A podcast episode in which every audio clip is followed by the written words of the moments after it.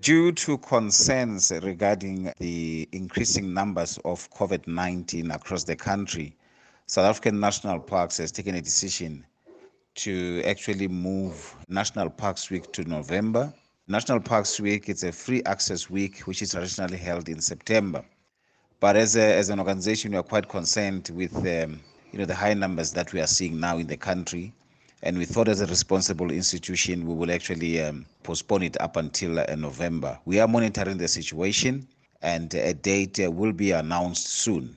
National Parks Week is an annual week long campaign that provides all South African citizens with an opportunity to visit national parks for free as day visitors.